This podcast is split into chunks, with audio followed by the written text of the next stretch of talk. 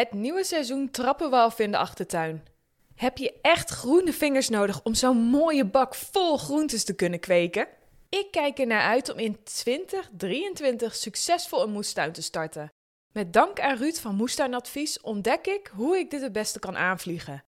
En moet ik wachten tot het mooie voorjaarszonnetje of kan ik nu al iets doen? We zetten de schouders eronder en duiken de composthoop in met deze eerste aflevering van seizoen 6. She loves to travel far,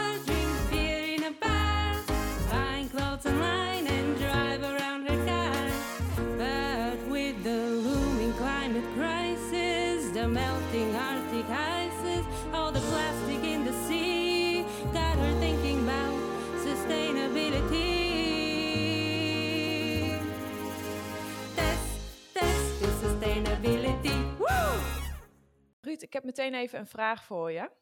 Groene Mhm. vingers.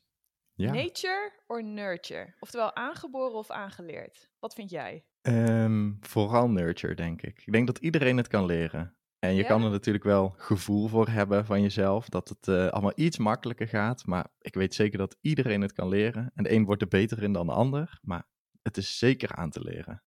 Oké, ik moet zeggen dat vind ik een hele geruststellende gedachte. Ik heb lang geleden een keer een poging gedaan met de groene vingers en het was dramatisch, maar daar gaan we later nog wel verder op in. Mhm. Maar dit is een geruststellende gedachte, dus dank je wel. Het is vandaag ook niet echt bepaald lekker weer. Moet jij nog de tuin in vandaag? Nee, vandaag niet. Ik ben ook niet zo'n... eh, nee, het regent hier ook flink. Maar eh, soms moet het. En dan sta ik gewoon heel de dag in de regen. Maar als ik het even kan vermijden, dan eh, doe ik het met liefde hoor. Dan blijf ik lekker binnen. Oké, moestuin, het begint steeds aantrekkelijker te worden, want wij gaan er vandaag ook even in duiken. Mhm. Ruud van Moestuin Advies, welkom bij de podcast. Dankjewel. Wij gaan vandaag duiken in de wereld van het moestuinieren. Een vraag van de kijkers en ook van mij, want ik heb een stukje land ter beschikking en ik heb zin om ook zelf aan de slag te gaan. Mhm. Dus ik kijk uit naar jouw wijsheid. Maar als eerste wil ik even weten hoe jouw thuissituatie eruit ziet, in de zin van jouw achtertuin thuissituatie. Ja, Kan je ons even meenemen in jouw eigen moestuin? Paint me a picture. Wat kunnen we allemaal bij jou vinden? Waar lopen we doorheen? Hoe ziet het eruit? Ja, wat kan je niet bij ons vinden, is denk ik een betere vraag. Eh, want onze tuin is ongeveer een half hectare groot. Daar staat eh, een huis op en een hele grote schuur, die we nog ooit eh, gaan afbreken en verbouwen. Maar ehm, ja, het huis, we hebben eigenlijk dit, dit perceel gekocht vooral voor de grond en niet voor het huis wat erop staat. Ehm, dus we wilden gewoon lekker de ruimte hebben en we wisten nog niet precies wat we ermee gingen doen. Maar uiteindelijk wilden we natuurlijk wel iets van een eetbare tuin. En ik had toen nog geen idee dat het een, eh, een voedselbos heette. Dus onze tuin bestaat voor het grootste gedeelte uit een voedselbos met allemaal vaste planten en fruitbomen, waar je dus weinig werk aan hebt. Ehm, en wat ieder jaar meer productie gaat leveren, dus ieder jaar meer fruit. En dan is er een klein stukje, maar voor de meeste mensen is dat al best groot, 300 vierkante meter ongeveer moestuin. En dan zijn er nog drie kassen waar we binnen in kunnen telen. Dus daar staan de tomaten en de pepers en de paprika's. Die staan in de kas. Dus dat eh, vind je allemaal in onze tuin. En nog een stukje pluktuin van mijn vrouw Merel. Want die eh, vindt de bloemen heel leuk. Dus eigenlijk alles wat je kan bedenken als moestuinier is hier wel te vinden. Dat klinkt wel magisch. En even voor de verduidelijking, wat is nou echt het verschil tussen een voedselbos en een moestuin? In een voedselbos staan echt allemaal vaste planten. Dus die blijven ieder jaar terugkomen. Dus na de winter komen ze weer in het voorjaar mooi op. Hebben ze weer mooie blaadjes. En dan komt er uiteindelijk weer eh, fruit aan. En in de moestuin moet je zelf ieder jaar aan de slag. Dus daar zijn weinig planten die echt blijven staan. Dus de echte moestuinplanten zijn gewoon allemaal eenjarig. Je zaait ze in het voorjaar. En ergens in het seizoen kun je ze als het goed is oogsten. Als je goed je best doet. En dan, eh, ja, dan begin je in het voorjaar eigenlijk weer met een, eh, een soort van lege tuin. En die moet je dan weer helemaal opnieuw gaan vullen. En dat is echt het grote verschil.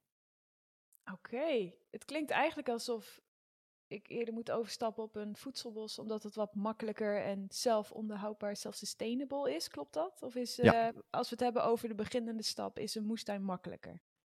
Ehm, ik weet niet wat makkelijker is. Een moestuin is eh, wel sneller in productie, dus daar kun je makkelijker van eten, om het zo maar te zeggen. En een voeds- een voedselbos is wel echt een, eh, een project voor de lange adem. Dus je plant iets aan met de gedachte, over zeven tot tien jaar, dan kan ik hier echt van gaan eten.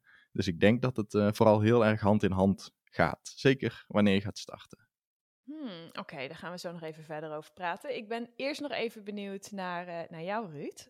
Het, het is natuurlijk een onderwerp wat ook vaak gekoppeld wordt aan het thema duurzaamheid. Mhm. Eh, zelf eh, onderhouden, je eigen eten lokaal. Is het onderwerp duurzaamheid ook een reden waarom jij bent begonnen met je eigen voedsel? Of zit er, zit er een ander randje aan?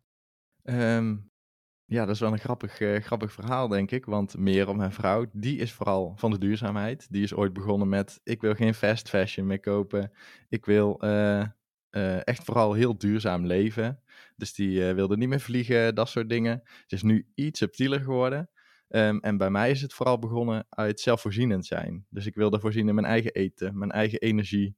Ehm, vanuit die kant is het bij mij begonnen. Ja, en als je dat natuurlijk samenbrengt, dan wordt het een mooie mix van duurzaamheid en zelfvoorzienendheid, die natuurlijk heel goed samengaan. Ehm, ja, vanuit mijn opa en oma uit, die hadden al een hele grote moestuin. Dus daar werkte ik als klein kind, eh, zat ik al lekker boontjes te doppen en dat soort dingen. Dus het is bij mij wel echt met de paplepel ingegoten. En ja, vanuit daar, als je dan ooit een keer een klein stukje tuin krijgt, dan wordt het al snel natuurlijk een moestuin. En ja, vanuit daar eh, ben ik vanaf mijn vijftiende, denk ik, of zo, eh, weer een beetje begonnen. Ehm, met een klein moestuintje. En dat is natuurlijk uitgelopen nu tot een halve hectare met eh, alles wat je maar kan bedenken. Dus bij mij is het echt begonnen vanuit zelfvoorzienendheid eigenlijk. En dat onderwerp duurzaamheid, is dat nog iets wat verder in jouw leven speelt naast de moestuin? Nou, we Dankzij je vrouw? Ja, we proberen. ehm, maar we zijn natuurlijk nu ook nog op zoek naar eh, hoe we het allemaal gaan realiseren. Want de tuin was bij ons het belangrijkste punt om dit huis te kopen. Dus het huis is echt niks. Het is gewoon eh, ongeïsoleerd. Het is heel oud. Eh, ik zit hier inmiddels eh, zonder kachel binnen. Dus het is hier volgens mij nu 11 graden of 12 graden. Oeh, lekker fris, ja. ja, lekker fris. Ik ben er inmiddels helemaal aan gewend. Ik vind het niet eens meer echt heel koud. Dus ehm, ja, de verwarming staat gewoon uit. We kunnen het prima betalen om het huis te verwarmen, maar ik vind het gewoon zonde van al het gas wat, eh, wat de lucht in vliegt. Want ja, de warmte die wordt opgewekt, vliegt bijna meteen weer naar buiten. Ehm, dus daar zijn we wel plannen voor aan het maken om ja, het huis wel te gaan verbouwen.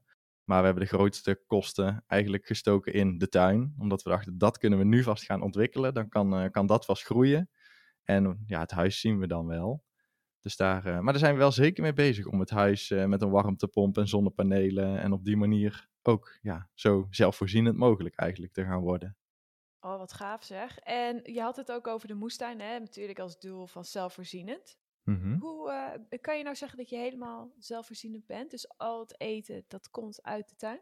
Nou, we proberen zoveel mogelijk, maar ook wij vinden ook een pizzaatje wel eens lekker. En een colaatje. Dus we gaan nog steeds wel naar de supermarkt. Oh, en Merel houdt heel erg van chips. Maar ik heb geen zin om iedere avond chips eh, te bakken van de aardappels uit de tuin. Dus er wordt ook nog wel eens een zak chips gekocht. Ja. Maar we proberen wel eh, echt zoveel mogelijk gewoon uit de moestuin te eten. Dus gewoon iedere avond ga ik bijna wel gewoon even een rondje moestuin. Ehm, het is wel echt een mindset. Want je moet je wel bedenken. ehm, ja, als ik vanavond bedenk, oh, dit recept is leuk. Ja, dat kan wel leuk zijn, maar niet al die groenten die in dat recept staan, staan, dan ook in de moestuin. Dus het is echt een andere mindset. Dus ik ga vooral naar buiten en dan kijk ik, wat is er vandaag klaar? Wat kan ik oogsten? En dan bedenk ik, oh, wat ga ik daar dan precies van maken? En ja, dat is voor heel veel mensen nog wel een moeilijke schakeling. Want die bedenken eerst, wat wil ik eten? En dan, Ja. oh, maar dat heb ik helemaal niet. Dus eh, dat is wel lastig. Ja, en ehm, dan ben ik ook wel benieuwd. Hè? We komen nou bijvoorbeeld in het seizoen van, eh, correct me if I'm wrong, meer met de knolgroentes. En dat het misschien iets minder wat er uit de tuin komt beschikbaar is in Nederland. Mhm. Klopt dat? Dat is één vraag. En eh, twee, kan je nog wel variëren met wat je eet? Of merk je dat je in het winterseizoen toch meer naar de supermarkt moet? Mm, nee, niet meer naar de supermarkt. Dat blijft wel redelijk hetzelfde. Maar het aanbod in de moestuin wordt natuurlijk wel iets eh, minder gevarieerd. Dus het zijn inderdaad vooral knollen, eh pastinaken, wortels staan er nog in. En heel veel kolen. Dus er staan nog bloemkolen en broccoli's en witte kool en spitskool. En ja, het is allemaal iets met kool. Ja. Want die zijn redelijk winterhard, dus die blijven wel gewoon staan. Spruitjes, dat soort dingen. Ehm, dus het wordt iets minder gevarieerd. Maar we doen in de zomer natuurlijk heel erg ons best om al die oogst die er is ook nog te bewaren voor de winter. Zodat we in de winter wel gevarieerd kunnen eten. Dus wij eten bijna ieder jaar eh jaar rond tomaten uit de moestuin. Dus er Mm. staat nu nog 60 liter tomaten in wekpotten in de bijkeuken. Dus ik heb allemaal al saus gemaakt. Daar zitten tomaten, eh, wortel, eh selder en ui in. Die komen allemaal uit de moestuin in het seizoen. En dan maak ik gewoon allemaal potten met saus. En dan eh warm een beetje pasta op, saus erbij. En dan heb je eigenlijk super snel in de winter ook gegeten. Wat een goede, wat een goede tip. Nooit Dus, over nagedacht. Dus dat is echt de tip. Want ik hoor heel vaak mensen zeggen van ik wil, ik wil in de winter ook uit mijn moestuin eten. Maar focus je dan vooral om in, de, in het groeiseizoen eigenlijk, in de zomer, zoveel mogelijk te verbouwen. En Ja. alles wat over is, gaat dan in wekpotten of in de vriezer. Zodat je in de winter gewoon die dingen nog kan eten. Geniaal. En ik had ook een keer op tv gezien, wat deden ze nou? Volgens mij het pekelen ook van groentes. Dus ook in, eh, in het zout bijvoorbeeld, om dat langer goed te houden zonder Ja, kan zeker. Ja. hey, wat tof.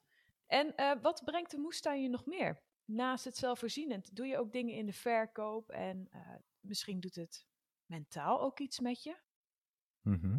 Nou, mentaal heel erg. Ik merk als wij eh, allebei samen steeds de hele dag op kantoor hebben gezeten, het is een drukke dag of een drukke week geweest, dan vinden wij het gewoon heel lekker om even de tuin in te gaan. Zeker s'avonds in de zomer is het heel lekker om ja, gewoon een, een, een dom klusje te doen als water geven. Dan loop je gewoon lekker rond met een gietertje. Dan hoef je nergens over na te denken, de vogeltjes fluiten en dan ja, kun je ja, echt wel gewoon heel relaxed gewoon daarna op de bank gaan zitten of nog een boek gaan zitten te lezen omdat je gewoon even alles los kan laten. Dus het is echt voor, ja, voor je mentale gesteldheid, zou ik zeggen. Iedereen die op kantoor werkt, s'avonds een uurtje de moestuin in.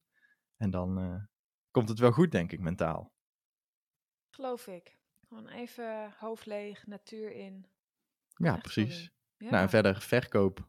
We verkopen niks eigenlijk, want we proberen echt zoveel mogelijk gewoon in te maken. Soms hebben we ook geen tijd, dus dan zetten we een kraampje voor aan de straat en daar leggen we dan in wat over is. En dan komt er een bordje bij, geef wat je het waard vindt. En dan eh, zijn er wat buurtgenoten of dorpsgenoten ook nog blij met, eh, met de rest van de oogst.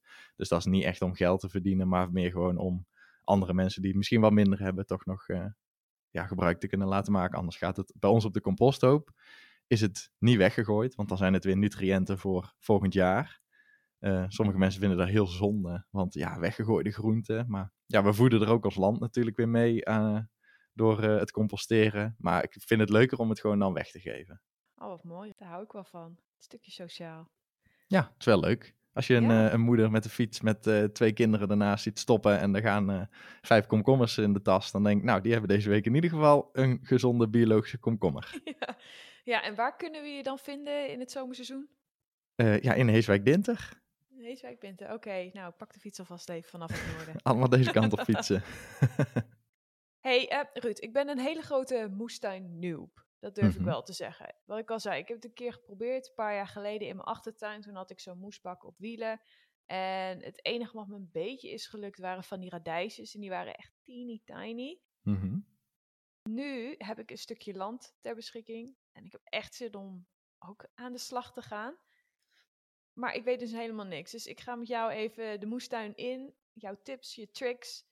Om te beginnen met het begin. Waar begin ik? Waar, waar plaats ik de moestuin? Eh, moet dat in bakken of kan dat direct in de grond? Eh, help. Ja, eh, de eerste tip is: zoek een zonnig stukje van je tuin. In de schaduw lukt het wel, maar het is allemaal een stuk moeilijker. Dus hoe meer zon eigenlijk, hoe beter. Dus ik zou zeker een zonnig stukje van de tuin zoeken.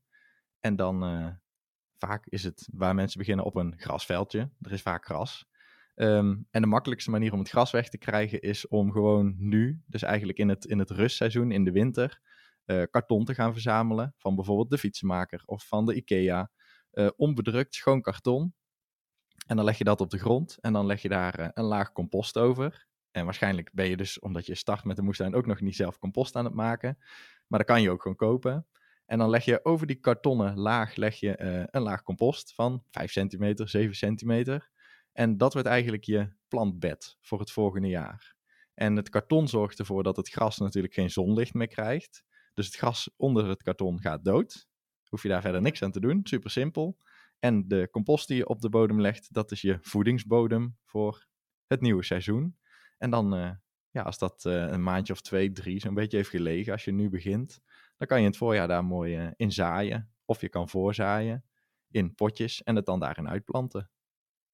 Nee joh. En dat karton wat er dan onder zit, eh, verdwijnt dat? Is dat wel goed om in de bodem te houden? Of haal je dat op een gegeven moment weg? Hoe, hoe Nee, dat verdwijnt. Dus die, eh, ja, als je het karton neerlegt, is het het beste om het even nat te maken. Gewoon eh, met de tuinslang of met een gieter.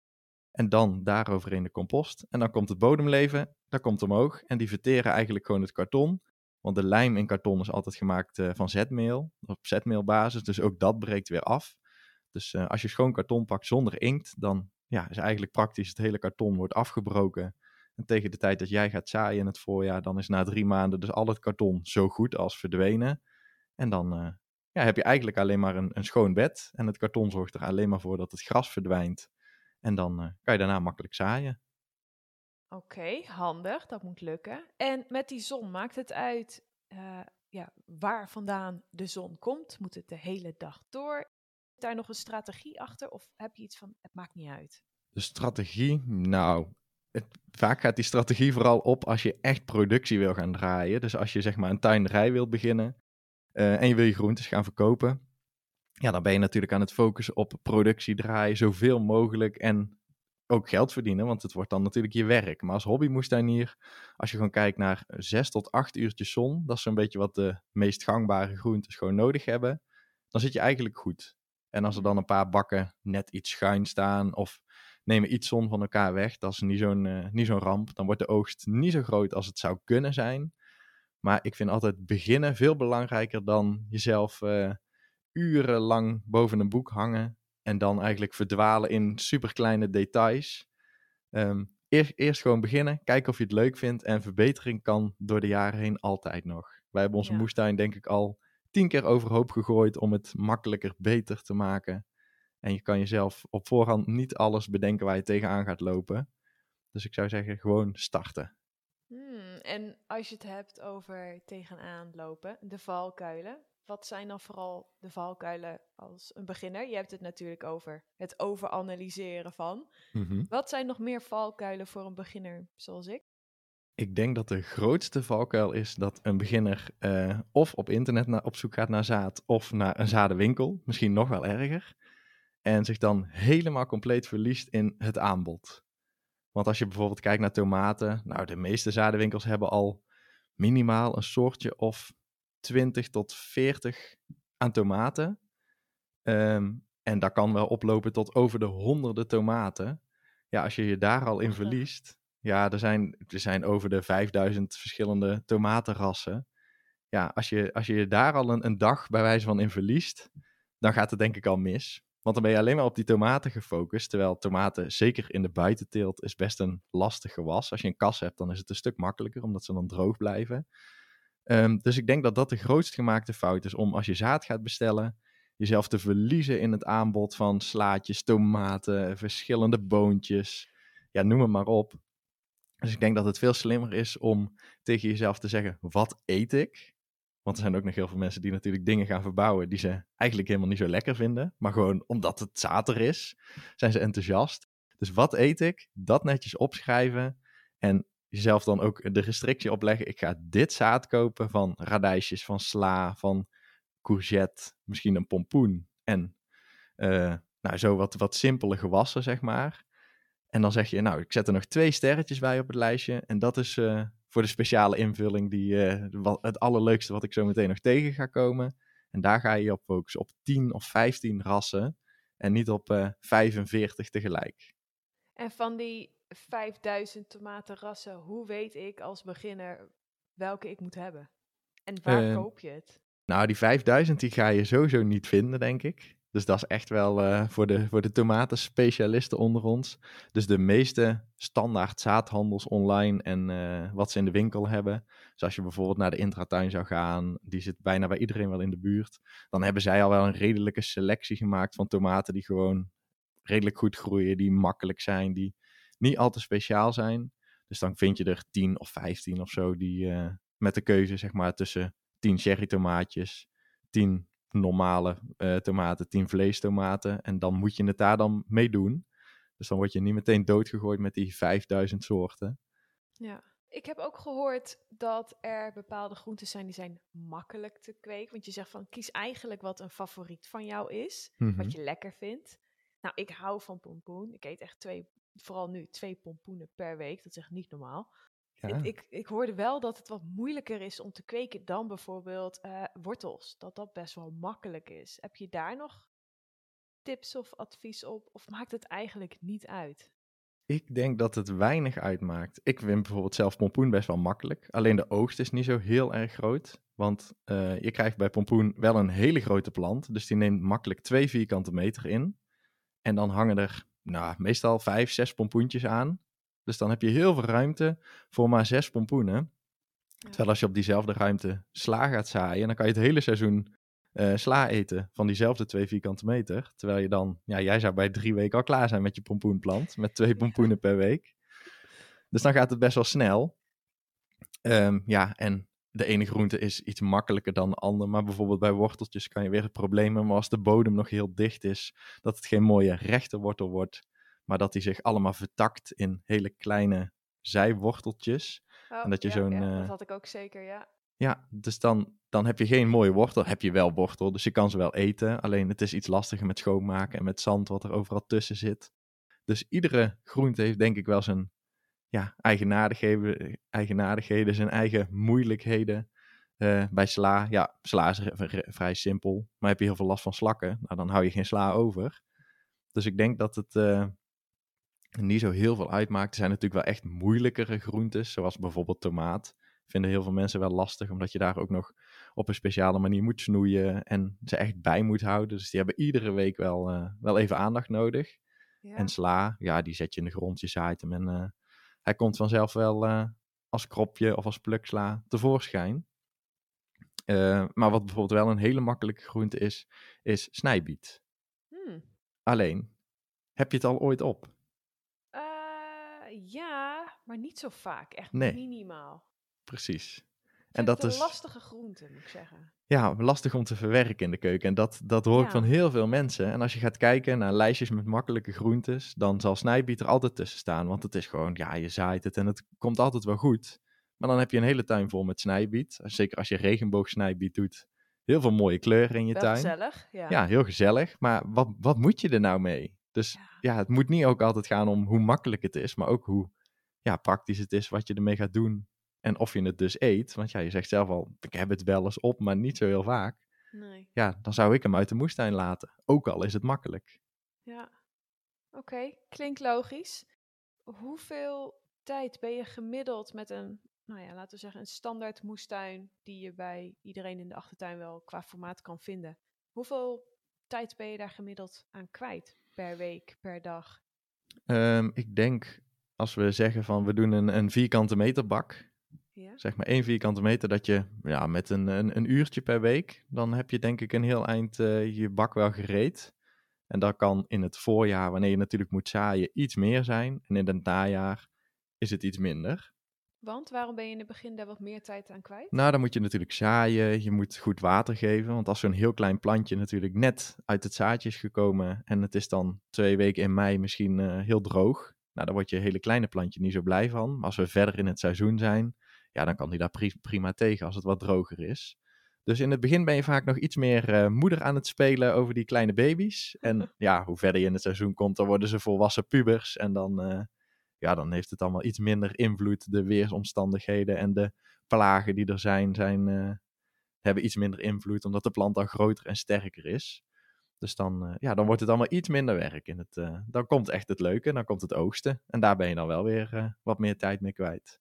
Ja, ja oké. Dus het is een beetje zo'n golfbeweging af en aan. Het is pieken in het begin, dan weer even wat rustiger bijhouden, af en toe wat liefde en op het einde weer even pieken met wat aandacht. Ja, met wat aandacht en oogsten. En Hmm. ja, ik probeer, bij ons tel ik oogsten wel echt bij het moestuinwerk. Maar heel veel mensen hebben natuurlijk niet zo'n grote tuin als wij hebben. Dus die tellen oogsten al heel snel gewoon bij het koken. Maar bij mij is het wel echt, ja, als ik eh 20 kilo's tomaten eh, pluk, dan moet ik er ook iets mee. En dan sta ik soms 's avonds nog tot 10 uur eh, in de keuken tomatensaus te roeren en in wekpotjes te doen. Ja, En dan, ja, dan tel ik dat toch wel echt bij moestuinieren en niet bij koken. Ja dat het klinkt als een zware arbeid inderdaad. Ja, dat is dan wel echt een Ja. moedje soms nog s'avonds laat. hey, en je had het over, in het begin ben je net een, eh, een moeder. Eh, en we hadden het eerder ook al een beetje over de voeding voor onze kinderen, namelijk eh, de compost. Ja, Hoe belangrijk is goede compost en wat maakt nou een goede composthoop? Waar moet ik op letten? Nou, een goede compost en een goede composthoop is gewoon super divers. Dus eigenlijk moet er zoveel mogelijk op. Want je kan je voorstellen, als je een composthoop gaat maken van alleen maar bijvoorbeeld gras, daar zitten alleen maar de nutriënten in die het gras heeft opgenomen. En gras wordt dan ook nog heel snel slijmerig en dan wordt het zo'n vieze, natte, groene brei. Mm. Dat wil je niet. Dus je kan op de composthoop, is eigenlijk de beste tip om zoveel mogelijk materiaal te mengen. Ehm, en dan is het een, eh, ja, heel goed om een scheiding aan te houden. Er zijn groene materialen en bruine materialen. En dat kun je vaak al zien aan de kleur. Dus de bruine materialen zijn bijvoorbeeld stro en dorre bladeren. Dus de winterbladeren van nu, de herfstbladeren, dat is een goed bruin materiaal. Eh, karton is bijvoorbeeld ook een bruin materiaal. Is koffie, valt dat er ook onder? Koffiedik? Ja, dat is een beetje, beetje een, een lastige. Dus die, die, die telt wel als bruin. Maar ja, dat is een beetje een, een, een, een tussen, tussenweg. Oké, oké. Eh, maar de meeste bruine materialen die zijn dus heel droog. En daar valt koffie dus ook net buiten, omdat er ja, over het algemeen net koffie door, van gemaakt is. Dus dan is het al nat. Ja. Eh, maar die bruine materialen die nemen dus vocht op van de groene materialen. Want gras is bijvoorbeeld heel nat en onkruiden zijn heel nat. Ehm, dus dat zijn allemaal groene materialen. En als je die dus gaat mengen, dan neemt het bruine materiaal het vocht op van het groene. Waardoor het geen natte brei wordt. En het bruine materiaal geeft ook structuur. Dus daar kan de lucht goed in je composthoop. En op die manier ondersteunen ze eigenlijk elkaar in een goede en diverse composthoop. En dan krijg je dus ook een, ja, hoe meer diversiteit je natuurlijk erop gooit, hoe diverser ook het, eh, de nutriënten zijn die eruit gaan komen voor je plantjes. ja. En het belang van wormen, die hoor ik ook, langs, eh, ook vaak langskomen. Ja, wormen in de bodem zijn natuurlijk super en ze komen vanzelf wel in je composthoop.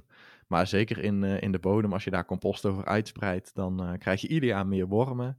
En die wormen die zorgen ervoor dat de compost, want wij gaan die compost dus niet onderspitten, die leggen we gewoon op de bodem. En dan komt die worm van diep onder de grond en die neemt een hapje compost en die trekt die weer mee naar beneden. En dan eet hij hem op en dan gaat hij ja, ergens door de bodem kruipen en dan poept hij het uiteindelijk weer uit. Dus wij hoeven niet actief met de schep die compost onder de bodem te gaan spitten, maar dat doen de wormen voor ons. Ja. Dus hoe meer wormen, hoe beter. Hoe beter. En moet je ze toevoegen? Dat heb ik ook wel eens ergens gelezen. Van ja, voeg wormen toe aan je composthoop eh, als die in de maak is. Nou, aan de composthoop heeft het weinig zin, want de composthoop warmt ook op. Dus die wormen die hebben in de composthoop echt een cyclus. Dus als je een composthoop gaat maken, zal die eerst heel erg opwarmen. Dus vaak wel tot 60 graden. Nou, je kan je voorstellen, daar worden die wormen niet zo heel blij van. Dus die, eh, die komen pas als de hoop daarna weer gaat afkoelen. Ehm, dus wormen zijn bijvoorbeeld wel echt geschikt om een wormenhotel te maken. Dus daar warmt het niet zo erg op. Daar voeg je met mate je keukenafval toe. En dan hebben ze ook de tijd om het op te eten. En dan wordt het niet zo heel warm. Dus in een composthoop komen ze vanzelf wel. Daar zou ik ze niet aan toevoegen. Maar in een wormhotel natuurlijk weer wel. Oké, oké, goede tip. Nou, dit waren echt een hoop punten.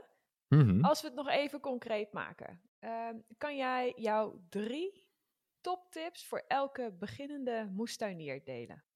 Nou, in ieder geval dus, laat je niet verleiden tot het kopen van honderden soorten groentes. Beperk je tot een klein aantal.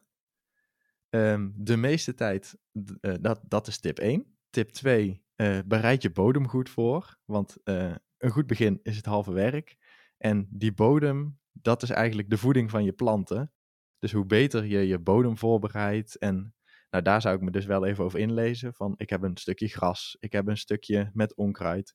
Hoe ga ik dat nou goed voorbereiden, zodat ik mijn moestuin kan beginnen?